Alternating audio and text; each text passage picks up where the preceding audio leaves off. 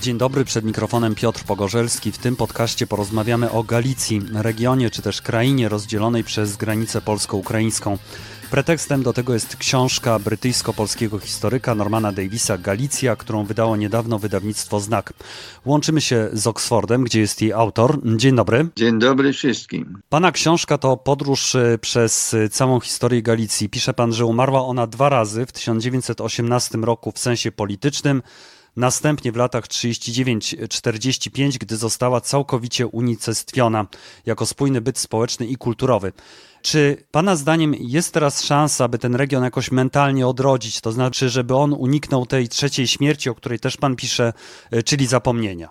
Nie, ja, ja myślę, że e, jakby rezurekcja e, Galicji jest niemożliwy, dlatego że ludzie, którzy mieszkali Galicji do połowy XX wieku i już nie są razem.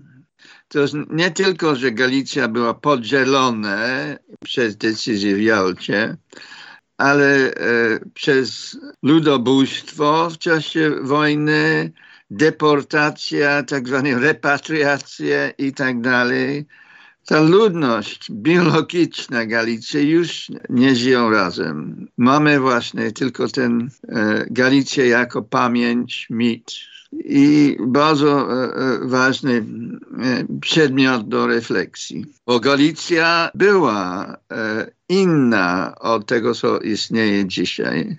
Ja, ja z, e, zawsze powtarzam jakby swoje hasło.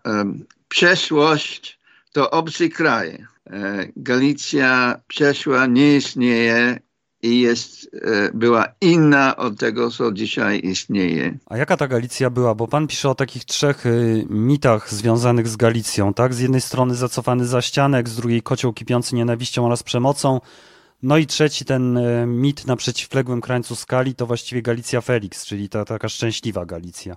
A jaka ona była naprawdę? Wszystkie te mity te stereotypy o Galicji mają swoją rację. Na przykład bieda galicyjska była faktem. E, Galicja przed końcem XIX wieku była chyba najbiedniejszym krajem całej Europy, podobnie jak Irlandia. E, głód, emigracja, e, no, straszne przeżycie biednych ludzi. Z drugiej strony Galicja, Felix e, też istniała obok e, tej biedy. Galicja, Felix, e, ten mit powstał, kiedy po Galicji nastąpiły jakby gorsze czasy, konflikty i, i oczywiście straszny koniec tego wszystkiego e, podczas II wojny światowej. Niektórzy ludzie patrzyli wstecz na Galicję jak na ten stracony raj. I, i też ten, ten mit o, o Galicji jako kraj konfliktów wewnętrznych też ma swoje racje. Tylko, że te konflikty e, rozwinęły przede wszystkim przed końcem, przed, e, zaraz przed i zaraz po pierwszej wojnie światowej. Więc te, jaka była Galicja? Galicja była e, miksturę tego wszystkiego. To, co pan mówi, te trzy mity, to jest, są chyba trzy strony tej samej rzeczy, tak? Można tak powiedzieć, tego samego obiektu. Tak, więc Galicja nie była e, mały kraj i, i był bardzo różnicowany, więc różne warunki e, istniały w różnych miejscach, w różnych czasach. Czy ten mit y, Galicja Felix to nie jest ten mit, który na przykład y, łączy współczesny Lwów ze współczesnym Krakowem? Ta strona właśnie komercyjna tej Galicji, tak? Tak jak się starają to przedstawić na przykład, nie wiem, restauratorzy, czy też w kinematografii to często widać, właśnie często się odnoszą do tego mitu takiej szczęśliwej Galicji. No, oczywiście. Kraków był miastem galicyjskim nie od początku. Ja podkreślam, że e, przez pierwsze dekady drugie miasto Galicji to było Ciernowcy na Bukowinie, nie Kraków. Ale w, w pamięci Polaków Kraków i Lwów są bliźniacy galicyjski połączony w pamięci. Oczywiście dzisiaj Lwiw, ukraiński Lwiw, bardzo mało ma wspólnego z, z, z, z tej dawnej Galicji. To Lwiw, Ukraina dzisiaj, e, Republika Narodowa, e, straciła te, e, to, co było wcześniej. Trzeba też powiedzieć, że Galicja Zachodnia, czyli Kraków, też straciła dużo z, z tej z tej przyszłości. Na przykład te trzy grupy etniczne, nie wiem czy narody, Polacy, ukraińskie, żydowskie, mieszkały razem i była duża interakcja. 30% ludności Krakowa to byli Żydzi. Podobnie w, w Lwowie.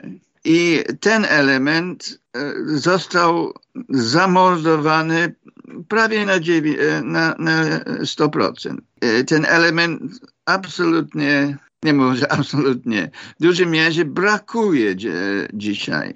To jest historia, ale taki ważny element do tej mikstury galicyjskiej. Pan powiedział tutaj o Czerniowcach, że to było drugie pod względem y, wielkości, ważności, tak? Miasto galicyjskie, ale formalnie no to jest miasto na Bukowinie i Bukowina właściwie też straciła, też została podzielona tylko przez granicę rumuńsko-ukraińską. Tak, tak, ale Ciernowcy była miastem Galicji do 1849 roku. Później e, stworzyli osobny kraj, osobna, osobną prowincję Imperium Austriackiego. Kraków wtedy kwitnął jako drugie miasto e, prowincji Galicji.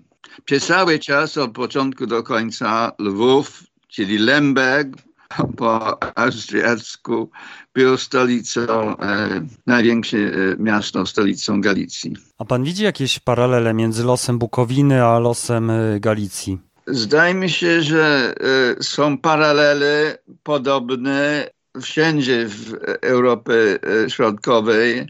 Te cesarstwa, te imperia dynastyczne zniknęły. Nie tylko Imperium Habsburskie, Austro-Węgier, ale też e, Rosyjskie, e, Imperium Niemieckie.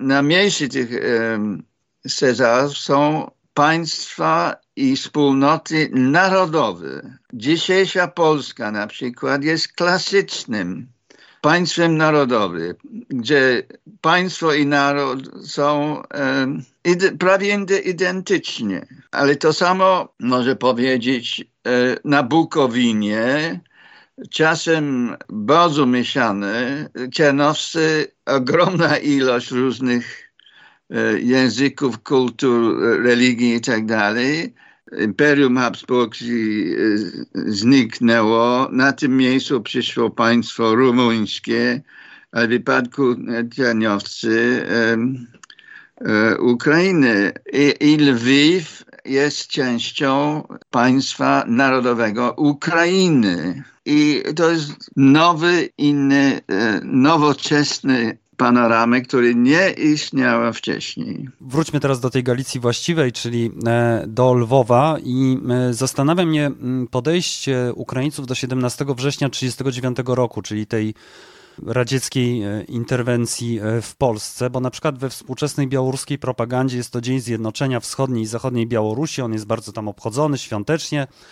Na Ukrainie właściwie nikomu nie przyjdzie do głowy, żeby e, go tak traktować. Z czego to wynika? Czy to wynika tylko z tego, że Ukraińcy bardzo ucierpieli wcześniej e, od reżimu sowieckiego, bo przecież był wielki głód, ten sztucznie wywołany kryzys żywnościowy lat 32-33, e, w którym zginęły miliony obywateli sowieckiej Ukrainy. Czy to z tego wypływa, że o wiele bardziej Ukraińcy ucierpieli od Związku Radzieckiego niż na przykład Białorusini? Zdaje mi się, że tu są przyczyny ogólnoukraińskie i przyczyny szczególny dla zachodniej Ukrainy, czyli wschodniej Galicji. Wydaje mi się, że Ukraińcy na wschodniej Galicji nie akceptowali, nie cierpiali komunistów, podobnie jak Polacy tego nie mogli przyjąć. Najwięcej tych Ukraińców w Galicji e, Wschodniej byli grekokatolikami. I ten kościół był potępiony przez wieki, przez Rosjan, przymusowe impozycje cerkwi e, Moskwy, patriarka, patriarkat moskiewski i tak dalej. I za to ludzie ginęli. To była represja okrutna. Po drugie, ci Ukraińcy, ci czasem Rusini mówili wcześniej, w Galicji Wschodniej byli chłopami. Dla, dla nich ta kolektywizacja sowiecka była ostatnia rzecz, której e, pragnęli. Więc opór Ukraińców e, w Galicji Wschodniej był podobny do e, oporu Polaków. I były właśnie, e, to było takie oczywiste rzecz. Oczywiście propaganda komunistyczna powiedziała, że Armia Czerwona wyzwola bratnie narody białoruskie Ukraińców, ale to był nonsens. Okupacja sowiecka w 1939 roku, później w 1944, jak na końcu wojny Sowieci wrócili, to było okropne dla wszystkich. I oczywiście wtedy nastąpiła śmierć druga, druga śmierć Galicji. Zastanawiam mnie, jak to jest, że Lwów jako miasto czy jako władze ma lepsze układy z Wrocławiem niż z Krakowem, bo tu ja rozumiem, że we Wrocławiu jest dużo dawnych mieszkańców Lwowa, ich potomków. No, ale czy Pana zdaniem tutaj współpraca tych dawnych miast Galicji nie przyniosłaby więcej korzyści? Oczywiście mam swoje związki z Wrocławiem, tak jak z Krakowem i napisałem historię Wrocławia i jest tam jest szczególny most. W pewnym sensie Wrocław jest bliżej dawnego Lwowa niż, e, niż Lwiw ukraiński. W mieście Lwowa przed wojną procent Ukraińców było bardzo mało. Dookoła oczywiście bardzo dużo, ale życie w mieście było e, polsko-żydowskie. I teraz e, ukraiński Lwów mało wspólnego ma z, z przedwojennym Lwowem. Natomiast we Wrocławiu są te pamięci tych dawnych Lwowian, mocna grupa i są instytucje. Przecież Osoloneum we Wrocławiu jest częścią tej instytucji z, Lwowa, stworzonej w Lwowie w XIX wieku są e, chyba oczywiste związki Wrocław, Lwiw, e, mocniejsi niż Lwiw, Kraków, tak. No i chyba to też jest ważne, że jest pewna taka wspólnota też losów historycznych, tak, że w, we Wrocławiu właściwie Polacy zajęli miejsce Niemców, a we Lwowie y, Ukraińcy zajęli miejsce Polaków.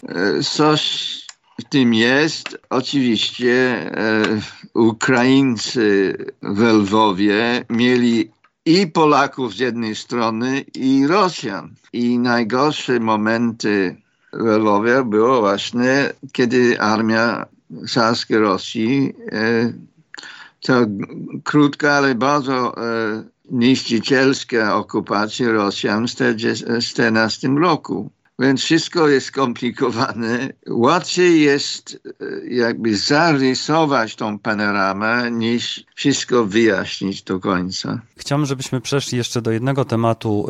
Y, to jest y, kwestia rzezi wołyńskiej, bo te wydarzenia tak naprawdę miały miejsce także w Galicji Wschodniej, o czym czasem się zapomina. I dla Polaków ta rzeź jest y, jednak takim faktem powszechnie znanym, tak? Dla Ukraińców nie. Y, czy tutaj widzi Pan jakiś sposób na y, porozumienie, czy też w tej kwestii, czy y, rozwiązanie tego problemu? No bo jednak jest to ważny spór na linii Warszawa-Kijów, który od czasu do czasu jest podnoszony i często także wykorzystywany politycznie. Tak, to, to jest e, okropna historia i e, nie ma łatwego rozwiązania. E, owszem, to co Polacy nazywają Wołyn, odbyło się i na Wołyniu, i na Galicji Wschodniej. Dla mnie jest pytanie, dlaczego właśnie wtedy taki odłam podziemi ukraińskiej nie, nie wszyscy Ukraińcy, wiesz, to, to jest jakby frakcja frakcji decydowała na kampanię ludobójcze takie e, e, decyzje w pewnym momencie.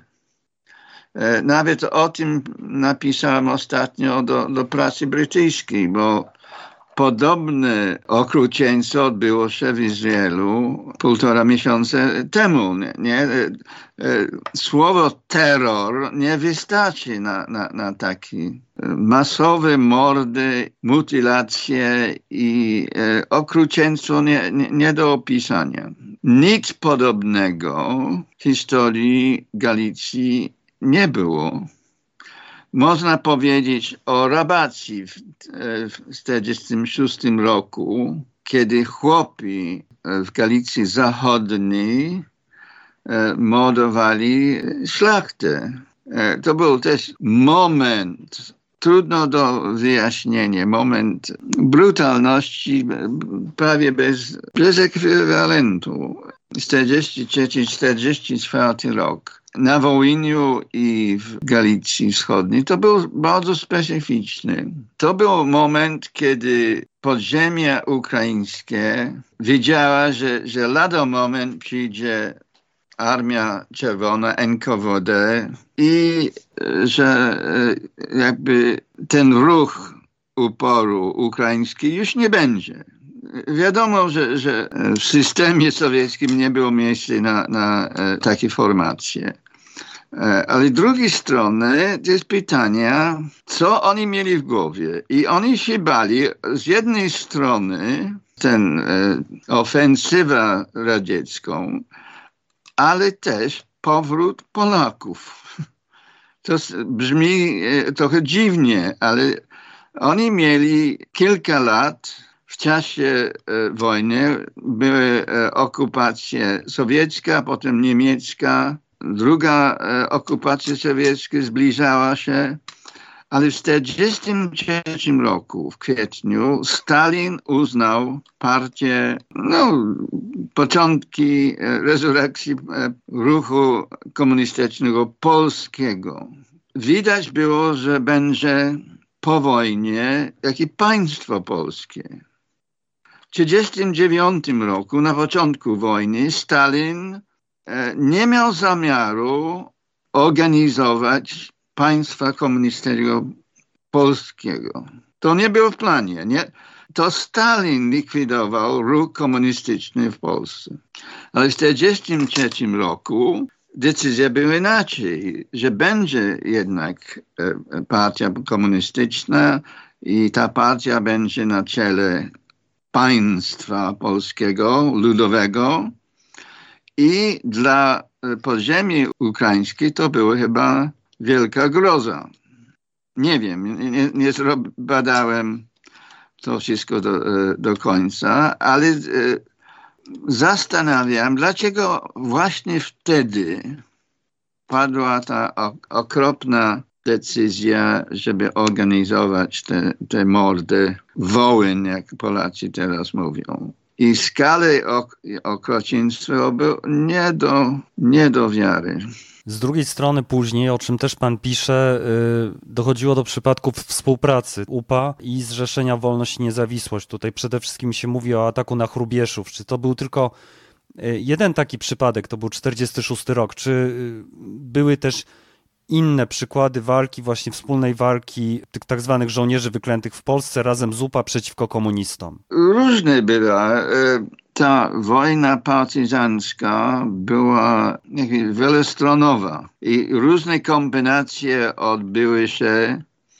E, nie wszystkie elementy UPy były, były e, antypolskie, mordercze i, i, i tak dalej. W tym, I UP i AK mieli w głowie, że nie jest to przejęcie ani III Rzeszy, ani Związek Radziecki. Więc były momenty, kiedy współpracowali, były momenty, kiedy walczyli między sobą. Były momenty, kiedy walczyli z innymi. To straszna komplikacja.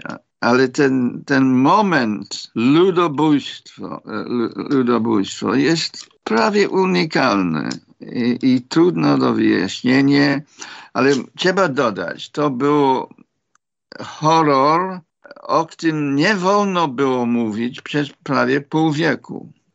Dlaczego? Że Ukraińcy e, w Związku Radzieckim o tym prawie nie słyszeli w ogóle do końca ZSSR. I potem nagle są wiadomości o, o, o tych okropnych rzeczy, o których prawie nie słyszeli.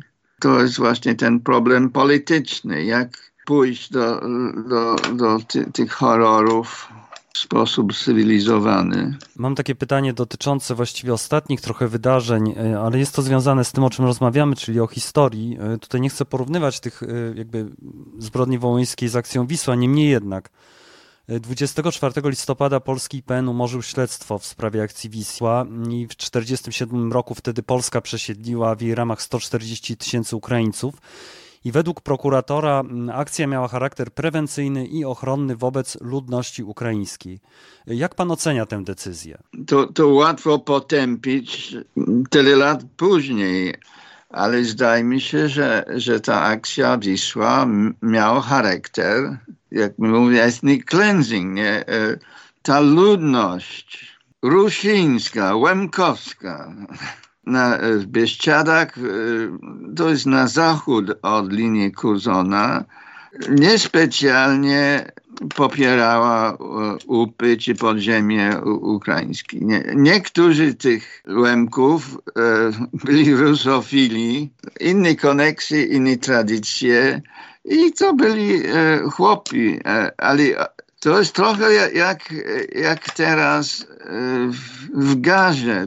Ta ludność arabska w Gazi mają wśród nich właśnie te, te, te terroryści Hamas, tak jak UPA była obecna na tych terenach. Ale jakby usunąć całą ludność za grzechy tej małej grupy jest e, niesprawiedliwe i zdaje mi się, że Polacy mają czarną stronę w swojej historii tam.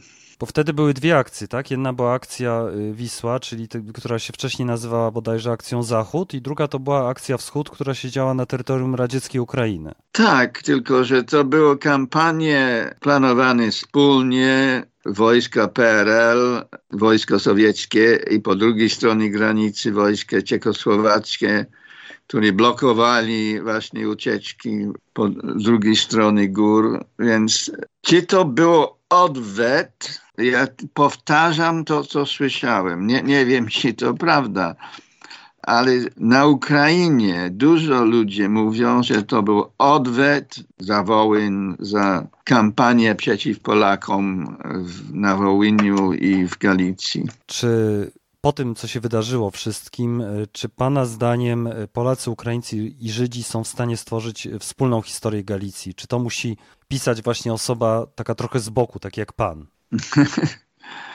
Ja zawsze mówiłem, że człowiek z boku, z zewnątrz ma przewagę, że, że nie ma te, tego bagażu e, w głowie od, od tych wypadków, bo, bo nigdy nie przeżył. Ja kiedyś napisałem, że e, bo dostałem pytanie, kto napisze na, najlepsze historii Polski. Ja, ja powiedziałem na to, to oczywiście Chińczyk, bo trzeba mieć, historyk musi mieć pewien dystans E, do, do tego, co, co pisze, e, bo e, za dużo emocje mogą, nie pomagają.